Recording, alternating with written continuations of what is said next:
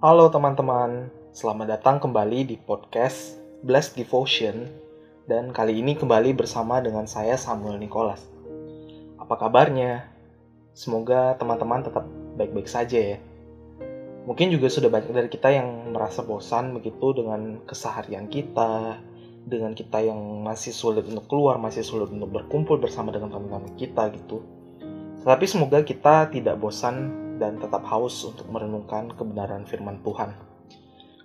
Hari ini saya ingin mengajak kita untuk merenungkan suatu kisah di dalam perjanjian lama yang mungkin juga cukup terkenal begitu. Di, uh, kisah ini dicatat di dalam kejadian 22 ayat yang pertama sampai dengan yang ke-19. Nah, saya tidak akan membacakan keseluruhannya secara langsung di awal, melainkan kita akan melihat uh, bagian demi bagiannya selama kita merenungkan firman ini.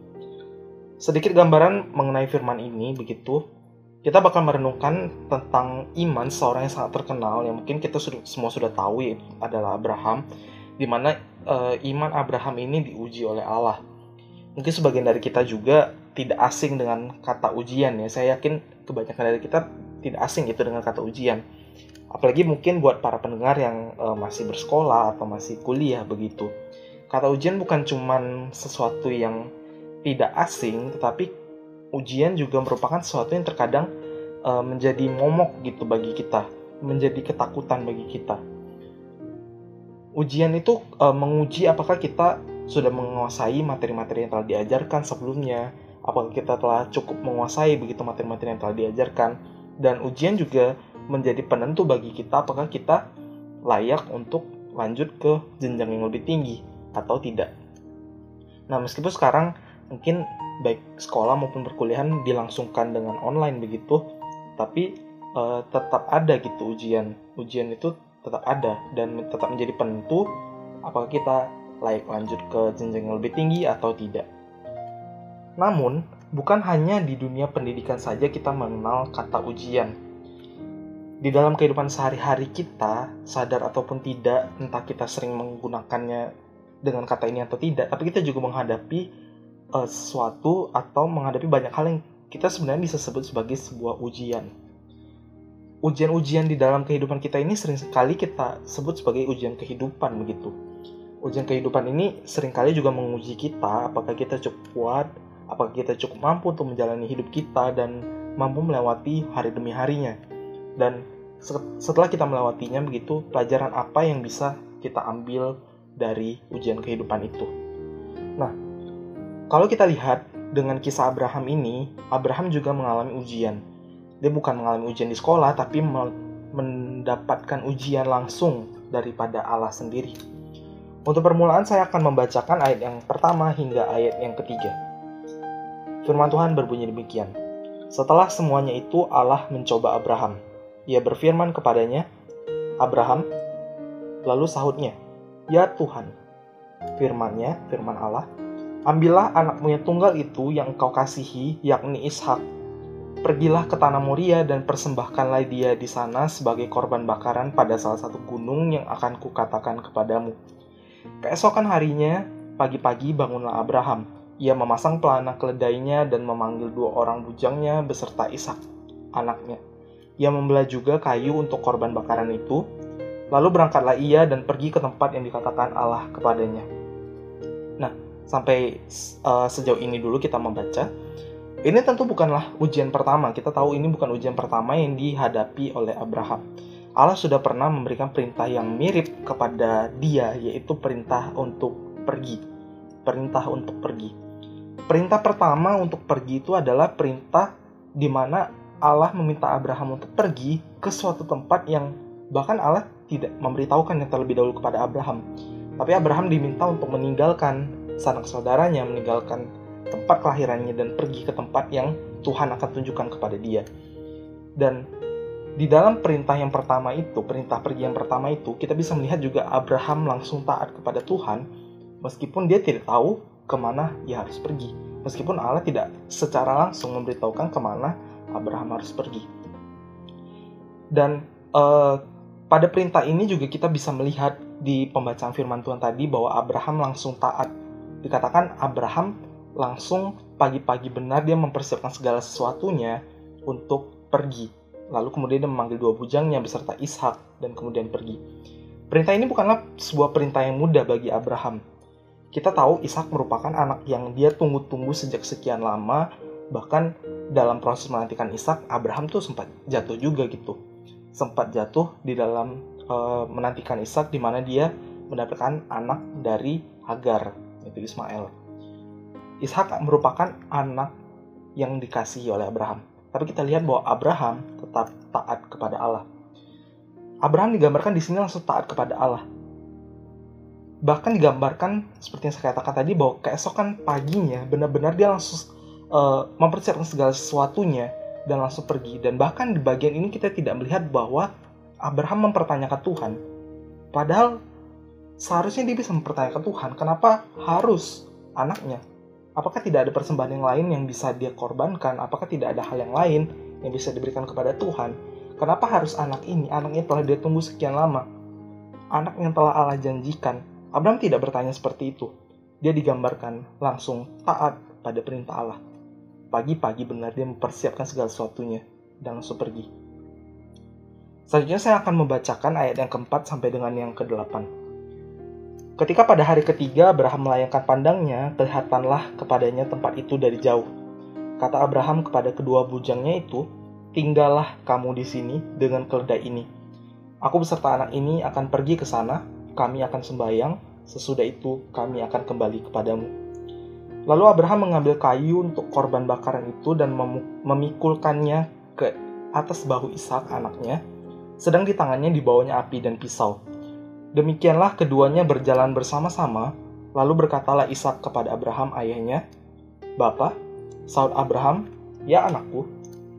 Bertanyalah ia, di sini sudah ada api dan kayu, tetapi di manakah anak domba untuk korban bakaran itu? Sahut Abraham, Allah yang akan menyediakan anak domba untuk korban bakaran baginya, anakku. Demikianlah keduanya berjalan bersama-sama. Nah, pada bagian ini kita bisa melihat uh, penggambaran Abraham yang begitu percaya kepada Allah.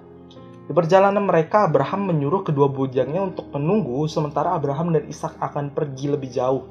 Dari situ Abraham dikatakan, uh, dia mengatakan kepada kedua bujangnya bahwa ia akan sembahyang, dan kemudian ia berkata, sesudah itu kami akan kembali kepadamu. Dia tidak berkata, aku akan kembali kepadamu. Dia berkata, dengan begitu percaya, dia berkata, kami akan kembali kepadamu. Teman-teman, Abraham sudah diperintahkan oleh Allah untuk mempersembahkan Ishak bagi Allah. Allah tidak memberikan clue apa pun bahwa Ishak tidak jadi dipersembahkan atau bahwa Allah akan menyediakan nantinya korban persembahan tidak. Tapi Allah dengan terang-terangan tadi menyatakan bahwa ia harus mempersembahkan anaknya tanpa memberikan clue tambahan apa pun. Tapi kita bisa melihat bahwa Abraham percaya bahwa dia akan kembali bersama-sama dengan Ishak kepada kedua bujangnya itu. Nah, saya percaya kemudian Abraham teringat begitu bahwa Allah tuh sudah berjanji kepada Abraham.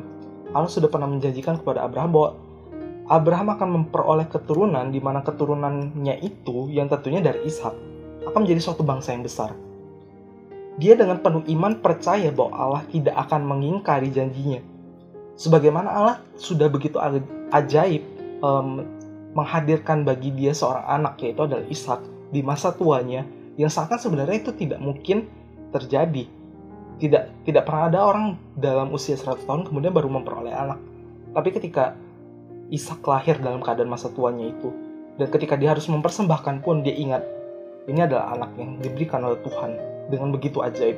Dan dia seakan-akan ditunjukkan percaya dengan cara yang ajaib pula, dia akan kembali bersama-sama dengan Ishak. Dan ketika Ishak menanyakan tentang di mana korban yang akan mereka persembahkan gitu, sekali lagi Abraham juga menunjukkan imannya kepada Allah. Ketika dia berkata, Allah yang akan menyediakan anak domba untuk korban bakaran baginya. Sekali lagi, saya mau ingatkan bahwa Allah tidak pernah memberikan clue apa pun, tapi seakan-akan Abraham percaya, seakan-akan Abraham percaya bahwa Allah yang akan menyediakan korban bakaran itu untuk menggantikan Ishak. Bahkan kita bisa melihat selanjutnya nanti Abraham ketika dia telah sampai ke tempat itu, ke tempat yang Allah katakan kepadanya, Abraham tetap taat kepada Allah, sekalipun dia tidak melihat ada korban, ada seekor hewan di uh, dekatnya begitu, dia tidak melihat itu, dia tetap taat. Bahkan dikatakan di ayat ke-10, Abraham itu telah mengelurkan tangannya dan mengambil pisau untuk menyembelih Ishak. Mungkin kita bisa memvisualisasikan ini di otak kita atau kita sering melihat ini dalam drama-drama begitu bagaimana Abraham itu sudah siap untuk membunuh Ishak, sudah siap untuk menyembelih Ishak. Dan di saat itu kita bisa melihat bahwa ada malaikat Tuhan yang menghentikan dia.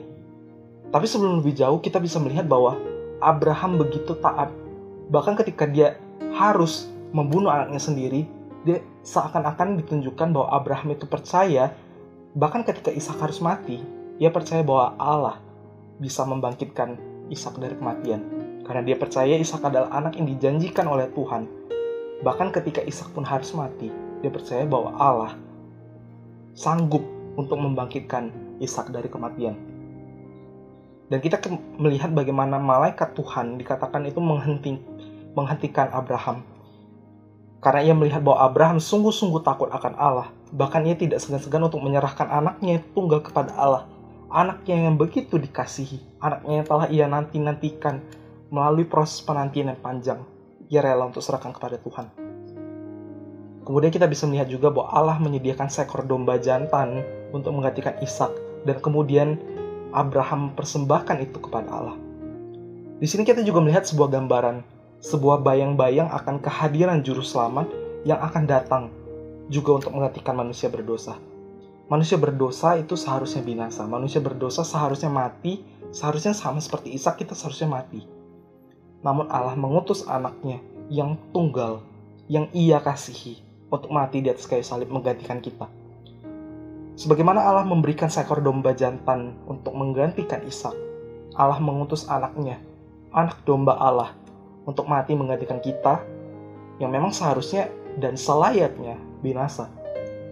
Dari cerita ini, kita bisa melihat bayang-bayang kasih Allah yang begitu luar biasa, bukan hanya bagi Abraham, namun juga bagi kita manusia. Di akhir cerita ini ditunjukkan bahwa Allah kembali mengulangi janjinya bagi Abraham untuk memberkati keturunannya dengan berlimpah-limpah. Abraham taat dan lolos ujian dari Allah. Allah melihat bahwa Abraham sungguh-sungguh percaya dan taat kepadanya dan dia sungguh-sungguh mengasihi Tuhan lebih daripada segalanya. Bahkan ketika ia harus mengorbankan anaknya sendiri.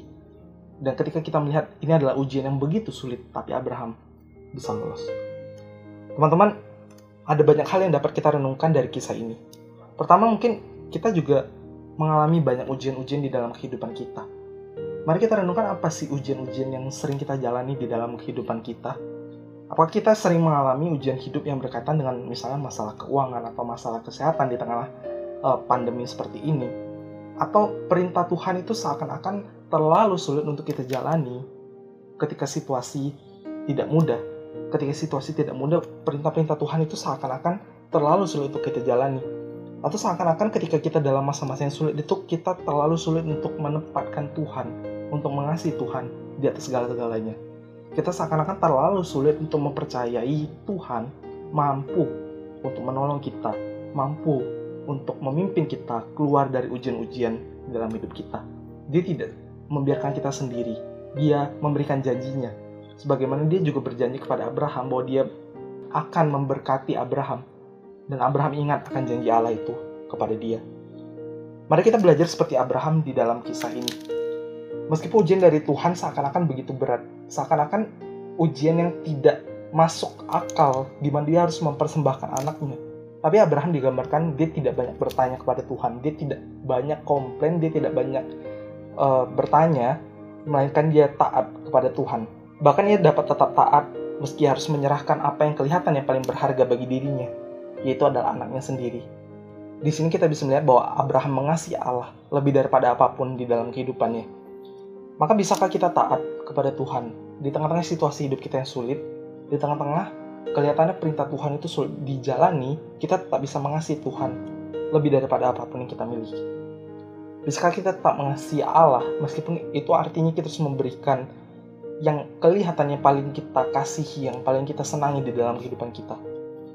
Dan teman-teman kabar baiknya adalah bahwa Tuhan tidak hanya menguji kita tanpa memberikan sebuah janji kepada kita, sama seperti Abraham yang ingat kepada Tuhan bahwa ia akan diberkati, bahwa ia akan uh, keturunannya akan menjadi suatu bangsa yang besar. Kita juga diberikan janji oleh Tuhan. Ketika Tuhan Yesus di dalam akhir kitab Matius dicatat bahwa Tuhan mengatakan, Aku menyertai kamu senantiasa sampai kepada akhir zaman. Masihkah kita ingat akan janji ini di dalam hidup kita?